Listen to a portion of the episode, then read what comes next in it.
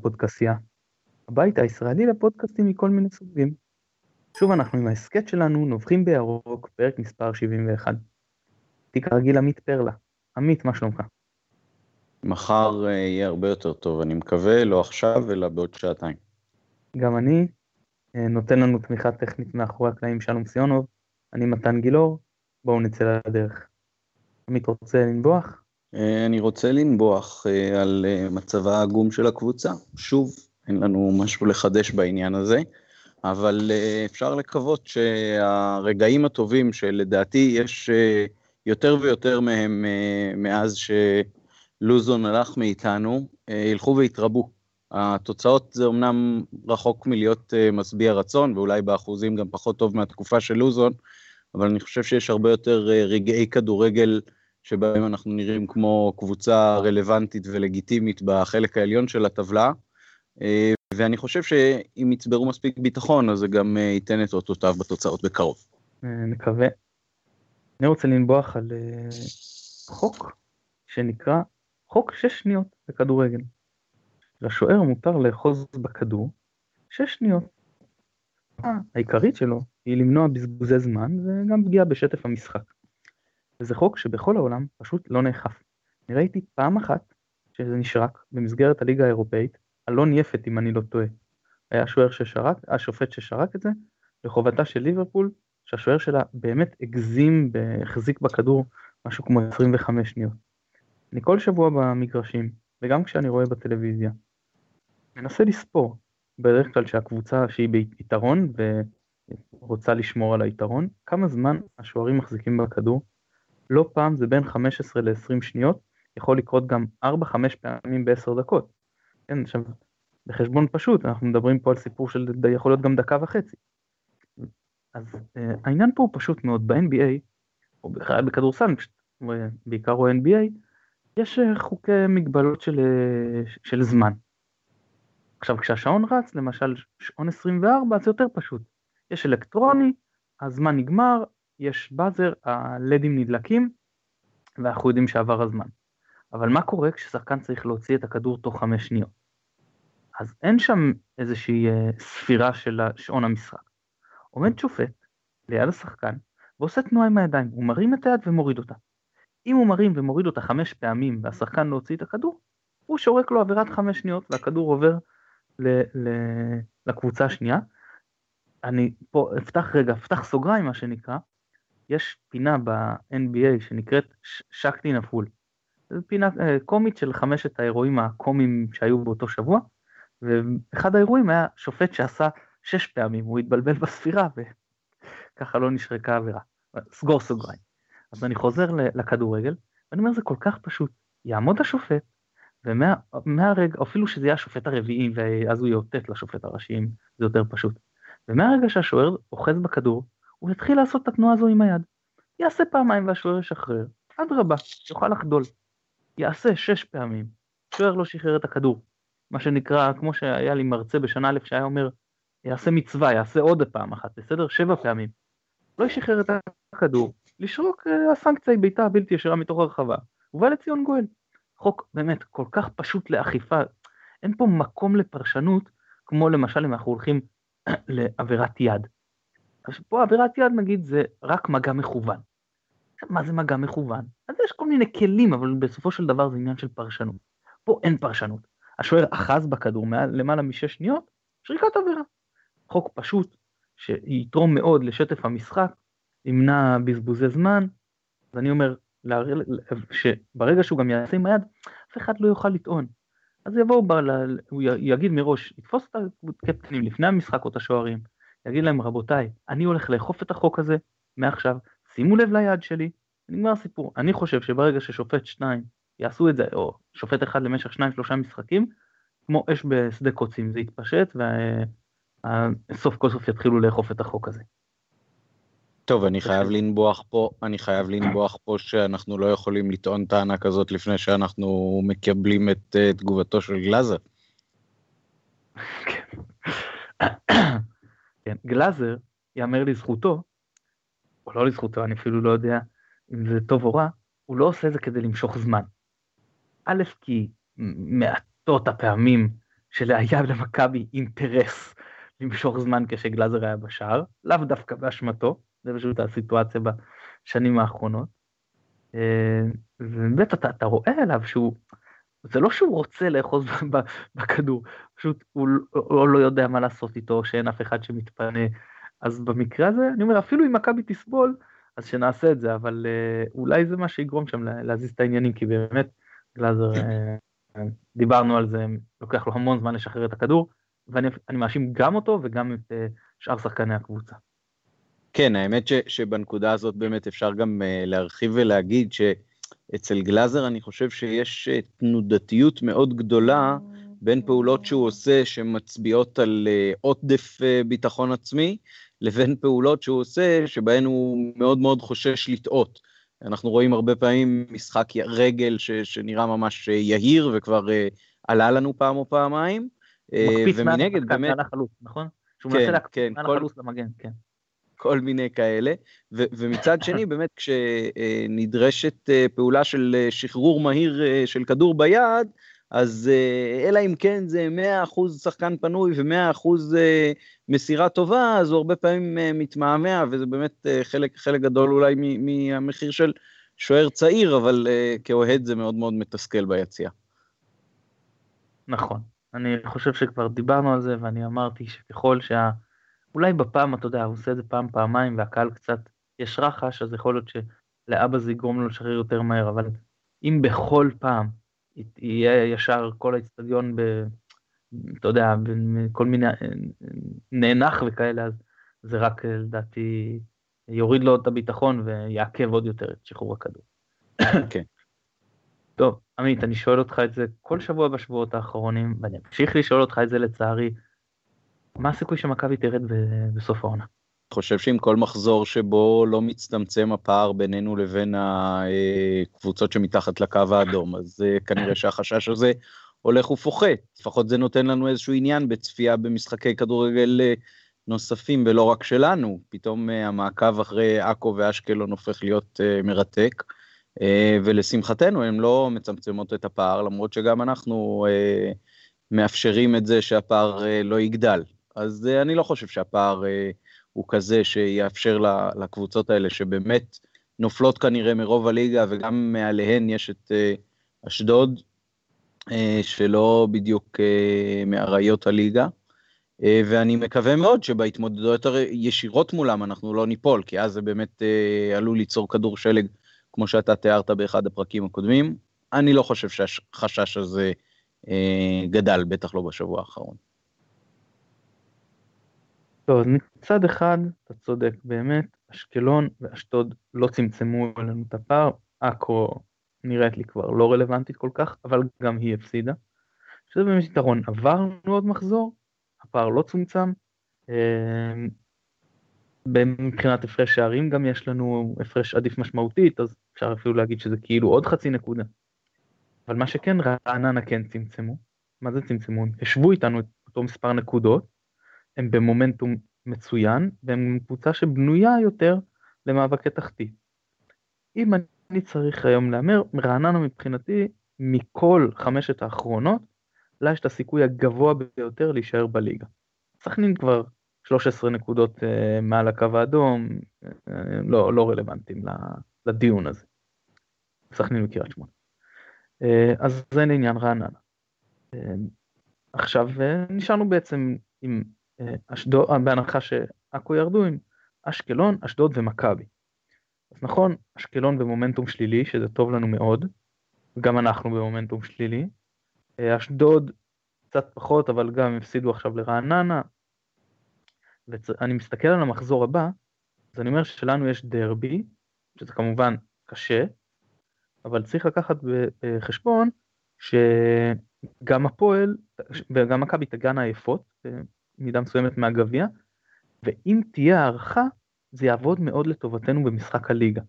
כי זה נכון שהפועל היא קבוצה יותר טובה ממכבי, אבל uh, היא פחות עמוקה. ואם משחק הליגה ייגרר, הגביע, סליחה, ייגרר להערכה, למכבי היתרון במשחק הליגה. Um, עכשיו, אשדוד הלכו כבר להערכה בגביע, והם פוגשים את מכבי תל אביב ביום שבת. אחרי 120 דקות, מול הקבוצה במקום הראשון, בואו, אני לא רואה אותה לוקחת נקודות. מה שכן אני חושש, זה אשקלון. אשקלון מתארחת אצל נתניה. נתניה מגיעה אחרי שהיא הבטיחה את מקומה בפלייאוף העליון, אחרי ניצחון מבחינתם גדול יחסית, למרות שאנחנו, אנחנו לפחות מועדון גדול, אם לא קבוצה גדולה כרגע, והם לא ניצחו אצלנו הרבה זמן. ואני מאוד חושש מירידת מתח, בטח שהמשחק חשוב בהרבה לאשקלון. מצד שני, נתניה, קבוצה שתמיד משחקת כדורגל חיובי, אה, מבקיעה הרבה, אה, תבואו במורל חיובי, במומנטום חיובי, והיא קבוצה עדיפה על אשקלון, ובלי לחץ, זה טוב שאין עליהם לחץ. ואולי אפילו הם כבר יבזלו לאירופה, יחשבו על מקום רביעי, שבע נקודות, אפשרי. אז אה, לא, לא סיכוי גדול, אבל אפשרי. מבחינה הזאת, אבל אשקלון זה יותר uh, מדאיג אותי, ואני כן רואה מצב שמכבי לוקחת פחות נקודות מאשקלון במחזור הקרוב, ואז אנחנו כבר ממש אה, שם נכנסים לגבול אדום. אני נשאר בקטע הזה שאני מאוד לא רגוע. תשעה משחקים, שמונה נקודות, עדיין מדאיג אותי. אבל אה, בוא נראה בסדר, בתקווה ששבוע הבא אני לא אצטרך לשאול אותך שוב את השאלה הזו, אבל... כן, פסים. וטוב שאין קיזוז גם. כן, זה באמת יוצא טוב מאוד שאין קיזוז. אה, טוב, לפחות לקח לנו משהו אחד. אז... טוב, תראה, בוא נדבר קצת על המגן הימני, עמדת המגן הימני של מכבי. אז כל מיני מספר משחקים מחליפים בין אה, ארנסט מבוקה לרז מאיר, בין אם, כאילו, למשחק שלם, בין אם במהלך המשחק, לפעמים זה פציעות, לפעמים זה יכולת חלשה, אבל לרוב אחד טועה, או סופגים בגללו איזה שער, או לפעמים יותר, עוברים לשני, השני טועה, סופגים בגללו, ואז חוזרים לראשון. בסופו של דבר, אנחנו דיברנו, אתה דיברת על זה אפילו יותר ממני, כמה חשובה היציבות וביטחון של שחקנים ב, ב, דווקא ברגעי שפל, וכמה חשוב ש... נכון שאפשר לשנות פה ושם, אבל כן עדיף לרוץ עכשיו יחסית עם הרכב אחד. שאני שם רגע בצד אם יש לך עכשיו גביע וליגה צמוד, ונגררת להערכה נגיד, ואתה כן צריך לעשות איזושהי רוטציה. מי בכל זאת המגן שצריך להיות המגן הימני הפותח של מכבי? מי צריך, צריך להיות ברירת המחדל? תראה, אני חושב שיש שני מישורים לשאלה הזאת. המישור אחד זה הטווח הארוך, שאני חושב שבהחלט uh, הסגל המקצועי שלנו מסתכל בהרכבת השחקנים גם על העניין הזה, מי מהזרים יישאר, מי מהזרים ילך, uh, את מי עוד uh, לא מגובשים בדעה לגביו ומי כן. זה היבט אחד, ובהיבט הזה אני חושב שאנחנו מקבלים תשובה מעצם העובדה שמבוקה ממשיך להיות מאוד רלוונטי להרכב, גם אם לא בכל משחק, אה, שמבוקה הוא לא מישהו שהסגל המקצועי כבר שרף לעונה הבאה, אה, ואני חושב שכשמסתכלים על מה שקורה למשל עם, עם קאיו, אז אה, כנראה שהוא לא ימשיך אצלנו כבר לפחות לפי מה שזה נראה במשחקים האחרונים. אז זה היבט אחד. ההיבט האחר זה באמת מי כרגע יותר טוב, יותר מתאים, או, או גורם פחות נזק. ובהיבט הזה העדפה שלי למבוקה.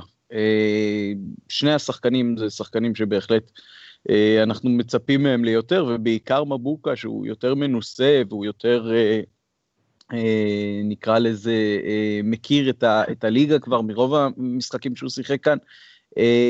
והוא מהווה איום התקפי יותר משמעותי, אני חושב שזה מאוד משפיע לא רק על הקבוצה שלנו, לא רק על האופן שבו אנחנו תוקפים, שזה לפעמים בעייתי, כי, כי לפעמים יש uh, מין ברירת מחדל כזאת, נמסור למבוקה, הוא יכניס פנימה, ופעם בחמישה משחקים אולי יצא מזה איזה גול. Uh, אז במובן הזה זה בעייתי, אבל במובן השני, אני חושב שהוא גורם גם לקבוצות היריבות לשחק בצורה uh, קצת פחות uh, התקפית מולנו. אני חושב שלעובדה שהוא לא היה בהרכב במחצית השנייה במשחק הגביע הקודם, ב, ב, משחק ראשון מול הפועל חיפה, זה היה אה, חלק ממה שגרם אולי ללחץ אצלנו, כי במחצית הראשונה הוא היה טוב מאוד, והוא מהווה עוד גורם מאיים על, על ההגנה היריבה, והשחקן שמולו, לא רק המגן, אלא לפעמים גם שחקן הקו, חייבים לקחת אותו בחשבון וחייבים להתעסק גם בסגירה שלו ובשמירה שלו ולרדוף אחריו ולהוציא על זה הרבה מאוד אנרגיה. ולכן העדפה שלי היא שמבוקה כן ישחק בהרכב, עם כל זה שהוא עושה חורים והכל, זאת, זה, זה לא שרז מאיר במקום הזה הוא איזה מגן על שרמתו ההגנתית היא כזו תורמת לקבוצה ש, שאי אפשר בלעדיה. אז uh, כששניהם לא מי יודע מה בהגנה, אני מעדיף את זה שנותן לי יותר תפוקה בהתקפה, וגם uh, גורם ליריבה להתקשות בקטע הזה של להעלות מולנו הרבה שחקנים. לא, אני בסך הכל מסכים איתך. קודם כל התקפית, יש הבדל גדול. אגב, רז מאיר כמגן תוקף הוא בסדר, אבל זה לא ברמה של מבוקה. מבוקה באמת מוסיף לנו מימד נוסף. עכשיו, הוא צריך לקחת בחשבון לאן אנחנו הולכים. אנחנו הולכים לפלייאוף תחתון. שמה זה אומר? אחד, שהקבוצות, רוב הקבוצות הסתגרו נגדנו, ופה הכלי ההתקפי נהיה, מקבל משנה תוקף. ב', יתקפו אותנו בהתקפות מתפרצות, שפה המהירות העודפת של מבוקה היה לזכותו. למרות שנגד סאבו הוא הוכיח שלפעמים הוא קצת רך במרדפים האלה, אבל, אה, אבל אה, בכל זאת עדיף מהבחינה הזו. עכשיו, גם הגנתית, אני מחלק את זה לשניים. יש את אחד על אחד, שפה יש יתרון גדול למבוקה. מבוקה מגן אחד על אחד בסדר, כאילו הוא לא טוב, זה לא משומר, ואני יודע שיש אנשים שיצחקו על זה, אבל מבחינת אחד על אחד, משום מה, מהמגנים היותר טובים שהיו למכבי. בטח שיותר טוב מז'אנו ואהרוני ו- וסבן ואוזן וכל מיני כאלה. אולי חרזי עדיף עליו. לא אולי, חרזי עדיף עליו, אבל אה, כאחד על אחד הוא היה מצוין. ועכשיו אנחנו מדברים על, אבל כשאתה מדבר על השתלבות במשחק ההגנה הקבוצתי, סגירה אלכסונית וקו נבדל וכאלה, פה מבוקה נופל. אגב, גם אצל משומר זה היה נקודת תורפה יחסית, ודאי שהוא היה טוב משום, ממבוקה בזה. קגלמאכר למשל, היה מצוין ב, ב, בסיפור הזה, גם באחד על אחד. ו... ורז מאיר טיפה פחות נופל ממבוקה פה, אבל גם הוא חלש בזה, והוא גם פחות טוב באחד על אחד. כשאני אסתכל על לאן אנחנו הולכים, כאילו נגד מי אנחנו עומדים לשחק, בכל מקרה סביר להניח שהייתי מעדיף את מבוקה, אבל לנוכח המשחק בפלייאוף התחתון, אין לי ספק. מבוקה צריך להיות ברירת המחדל, וכל עוד הוא כשיר, למרות שאני יודע שאנחנו נאכל מהפישולים שלו, יהיה לנו נזק מזה, עדיין צריך לנשום עמוק, להבין מה האלטרנטיבות, ולתת לו להמשיך לשחק.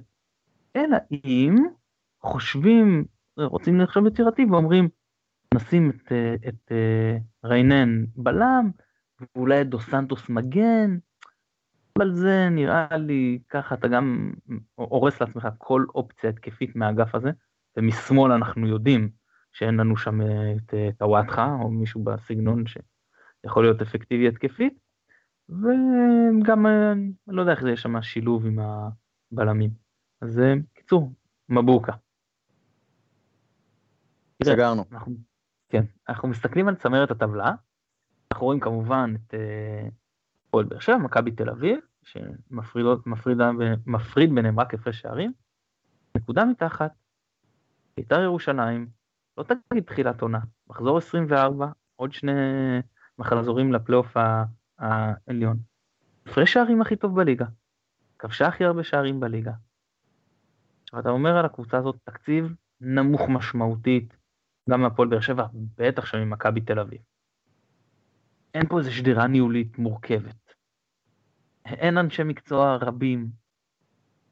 אולי זה הכיוון שמכבי צריכה ללכת אליו, שנקרא פשוט בשפה אני לא, אני לא רוצה לזלזל, אבל אה, כדי להעביר את המסר, להתנהל כמו שכונה. הנה, לבית"ר ירושלים זה הולך. מה דעתך? Uh, האמת שבדיוק השבוע שמעתי בפודקאסט, נדמה לי בפודיום, דיבר אורי אוזן על הנושא הזה, ובית"ר לא יכולה להיות דוגמה. זאת אומרת, משהו שעובד בשביל מישהו אחד, ובתקופה קצובה זה לא בהכרח משהו שאפשר ללמוד לגביו ממנו לגבי כל קבוצה אחרת בכל זמן נתון אחר. זה, זה לבטל בעצם את כל החשיבה הרציונלית על כדורגל ולהגיד, אוקיי, בואו, קחו כדור ותשחקו, כמו בשיעורי התעמלות בבית ספר. ובביתר באמת נדבק משהו עם הרבה מאוד שמחת חיים, ועם אולי תחושה של הכל נגדנו, אז זה גורם לכל אחד לתת את כל מה שיש לו. לפעמים באמת התנאים הנוחים וה... השלווה והעובדה שהכל אה, מדי מתוקתק גורם לאנשים להיות אה, מפונקים. אבל uh, לאורך זמן אני חושב שאי אפשר uh, להתווכח עם זה שלמאמן יש השפעה ולתרבות ניהולית יש השפעה ולקהל יש השפעה. Uh, ופה כאילו הכל הלך הפוך, כן, הקהל כל הזמן uh, צועק נגד הקבוצה או נגד המאמן שלה, השחקנים אה, עושים בחלק גדול מהמשחקים אה, שזה נראה מה שבא להם. המאמנים מתחלפים בין פעמיים לארבע בעונה, לא יודע כמה זה השנה, העונה עוד לא נגמרה. בעלים עם אה, יד קפוצה, והכל הולך על המגרש, הכל מתפוצץ, יש מין כזה בלגן לא מאורגן, ו- ו- וזה זורם, ובניון עזב אותם, ועידן ורד נפצע להם, ושום דבר כאילו לא פוגע בזה. הם גם סופגים הרבה, אה, אבל הם נותנים בכל משחק אה, הרבה יותר מה שהם סופגים, וכל הכבוד להם על זה, וזה, וזה אחלה עונה מבחינתם, ובטח משמח את האוהדים. אני לא חושב שזה משהו שאפשר לבנות עליו לאורך זמן. אני לא חושב ש... גם אין פה אפילו איזה הרכבת קבוצה מאוד מאוד מתוחכמת, או, או שיטת משחק, כמו שנגיד גרמה ללסטר לפרוח לפני שנתיים ולצ'לסי לפני שנה, אה, ותנודות יכולות כמובן להיות, משחק להם קלף. אה, אני לא יודע, אולי טביב צריך להיות אה, מנהל מקצועי ולא בעלים, ואז הוא ממש ימקסם את הכישורים שלו. אבל uh, לאורך זמן זה בעייתי, ואנחנו רואים גם שמעונה לעונה הוא, הוא מפסיד שחקנים, כי הוא לא מחתים אותם לתקופות ארוכות ולא לחוזים שמצליחים להשאיר אותם.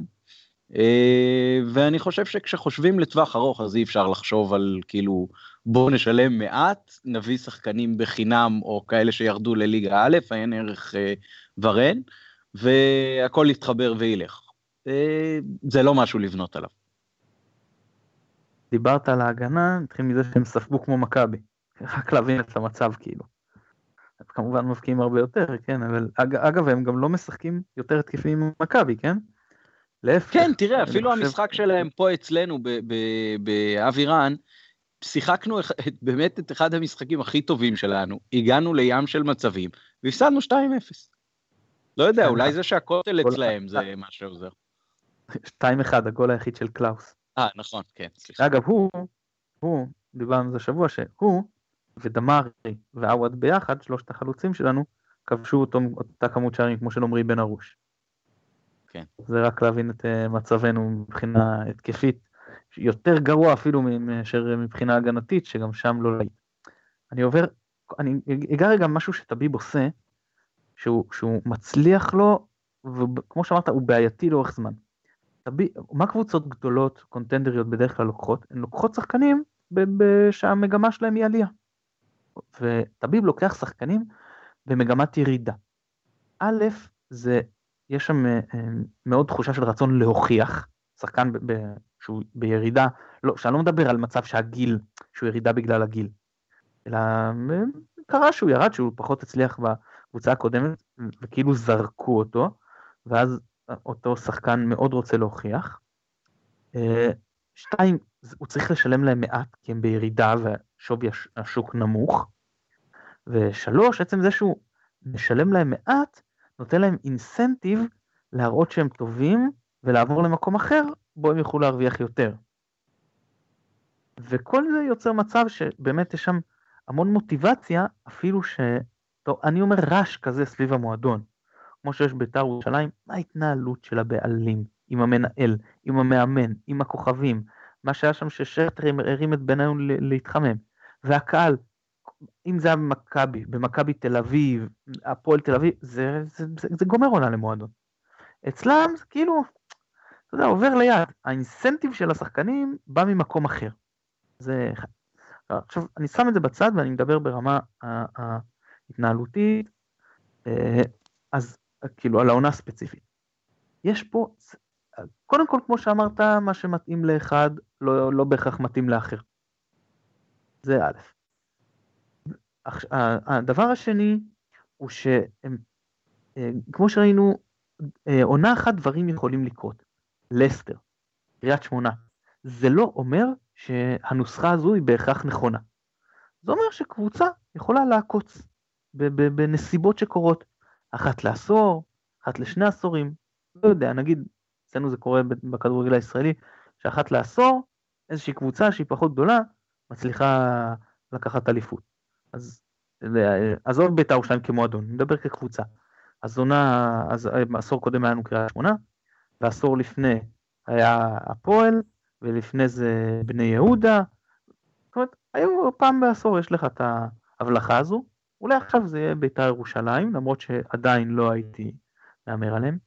תפסו גם מצב ששתי הקבוצות שלקחו את האליפויות בחמש העונות האחרונות קצת שבעות, הן שתי קבוצות ששיחקו מספר דו-ספרתי של משחקים באירופה העונה.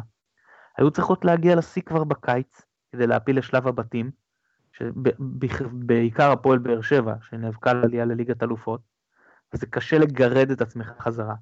שתיהן גם הגיעו לגמר גביע הטוטו, מה שעוד עומס על, על הקבוצה.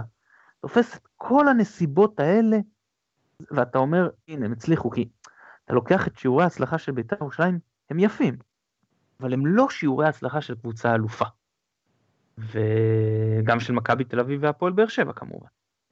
ואז אתה מבין שיותר משהם עושים פה איזושהי אה, הצלחה גדולה, אז הקבוצות האחרות, אה, כאילו, פשוט העונה אה, פחות אה, טובות. עכשיו... תראה, הדפוס הזה, הדפוס הזה עובד גם להפועל חיפה השנה. אה, קבוצה שבגדול לא עשתה איזה שינויים נורא גדולים בהתנהלות שלה לעומת העונות האחרונות, וזו פעם ראשונה בעצם שהיא רק אה, בפלייאוף העליון, ולגבי בית"ר כך עוד נתון, לגבי כשאנחנו מסתכלים על משהו לאורך זמן, אחת הקבוצות הישראליות, בטח מהמובילות היחידות, שמעולם לא הייתה בשלב בתים כלשהו. נכון. וזאת אומרת, אתה לוקח את כל זה, עונה אחת שיכול לקרות, למכבי אסור, אסור, אסור אה, לחשוב ככה, וכל מי שחושב שאפילו אליפות, בטח שאני מדבר עכשיו על המצב הנוכחי, אבל אפילו אליפות בית"ר ירושלים לא תגרום לי להגיד מיסקונספציה. כאילו שגינו, בואו חבר'ה, צריך לעשות ריסט, אה, אה, זה לא הדרך הנכונה. ייקחו עכשיו ככה שלוש אליפויות, אני, אני יודע שטעיתי, נגיד שאין לי מושג, שטביב הוא גאון וזאת הדרך הנכונה. אולי, לפחות בשביל, אתה יודע, אולי כדאי לנסות. אבל ככה, off the table מה שנקרא.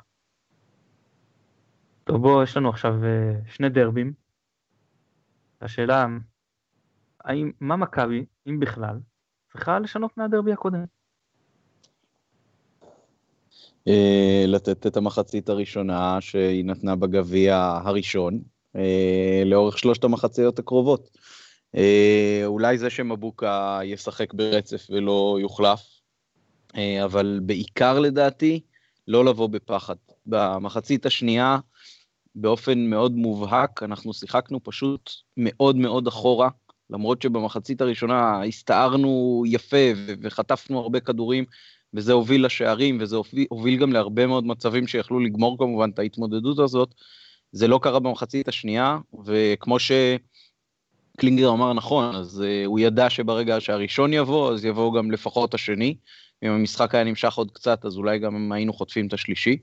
אז צריך פשוט לבוא בקטע של, סליחה, uh, מה אתם עושים פה בדיוק? אנחנו מכבי, וזה שלנו. זה האיצטדיון שלנו, זאת העיר שלנו, זה התארים שלנו, אין לכם מה לחפש פה. Uh, לא ממקום יהיר, אלא ממקום בטוח שמאפשר לשחק כדורגל משוחרר. ואם נשחק כדורגל משוחרר שמבוסס על כישרון, הכישרון שלנו יותר גדול.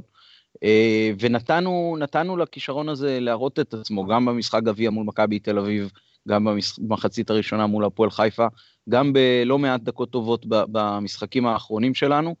אה, אם נשחק ככה ובצורה באמת עם קצת מזל גם, אז אה, אנחנו נצליח לעבור את זה, למרות תוצאה מאוד מאוד מחורבנת מבחינתנו. אבל אולי זה שאנחנו חייבים לכבוש אה, יעזור, כי אם היינו באים לשחק על תוצאה, מכבי זה לא קבוצה בשביל לשחק על תוצאה עוד מאמצע שנות ה-80.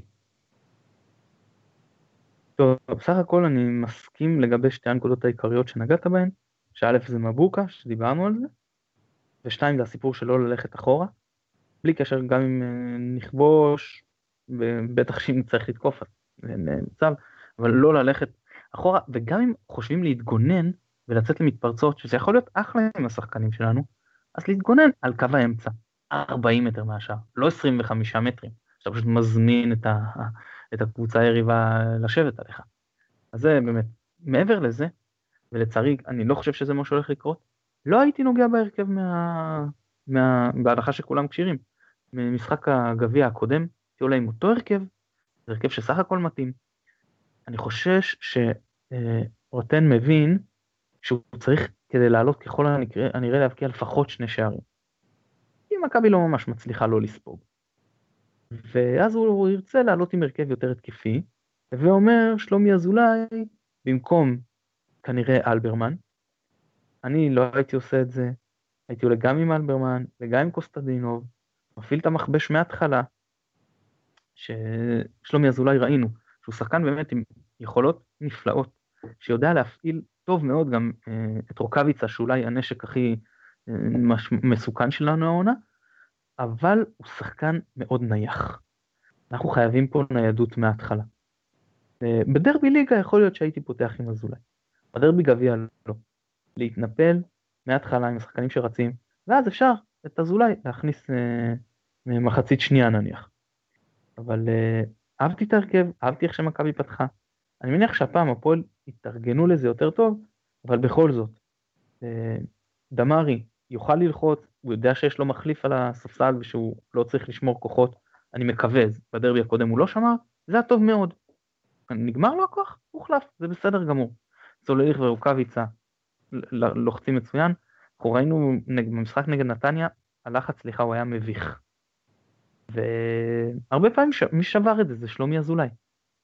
ופה אז יש לנו אפשרות, אם אני צריך לבחור בין לעלות עם הרכב יותר התקפי, מתוך איזו מחשבה שהפועל תבוא להתגונן ולשמור על תוצאה, או לבוא עם uh, הרכב שהוא יותר של שחקנים שרצים ולנסות ללחוץ, למרות שההרכב על הנייר הוא יותר הגנתי, אז אני בוחר באפשרות השנייה, אני חושב שהיא יותר, נכ... יותר נכונה לנו. ואלה הדברים העיקריים, הנקודות העיקריות לגבי הדרבי, ואם אפשר, שתמ"ש לא ייתן לנו 35 מטר לחיבור, אז גם זה יכול להיות טוב. יאללה, הימורים. אנחנו נתחיל מהגביע, דרבי חוץ, יום חמישי, שמונה וחמישים, תוצאה. מכבי לא יכולה לשחק בחוץ בחיפה, אין מצב כזה, זה סתם על הנייר, זה עניין רישומי. 3-1 מכבי. וואה. 2-1 הפועל. ואנחנו עוברים ליום שני, תשע בערב, דרבי ליגה, הפעם משחק שאנחנו מארחים, שבאמת זה קשה מאוד להמר עליו, כי זה מאוד uh, ישפיע מה יהיה בגביע, הן מבחינת תוצאה, הן מבחינת הדקות, הרחקות, פציעות, אבל בכל זאת, תן לי תוצאה. אפס אפס. ואני הולך לכיוון אחד אחד, אבל אה, גם תיקו נראה לי הגיוני. עמית, היה לי תענוג. גם לי, נקווה שנהנה מחר. כן, אני רק, רק אציין גם שהפועל באר שבע הודחה, ובאמת, אה, פה הזדמנות קצת להמתיק את העונה הזאת. למרות שאני אומר שהליגה כרגע, להישאר בליגה זה יותר חשוב, אבל זה מאוד מאוד נחמד. אה, תודה רבה לשלום סיונוב שנותן לנו את התמיכה הטכנית מאחורי הקלעים. אני מתן גילאור, המון תודה לכם שהאזנתם, ביי ביי.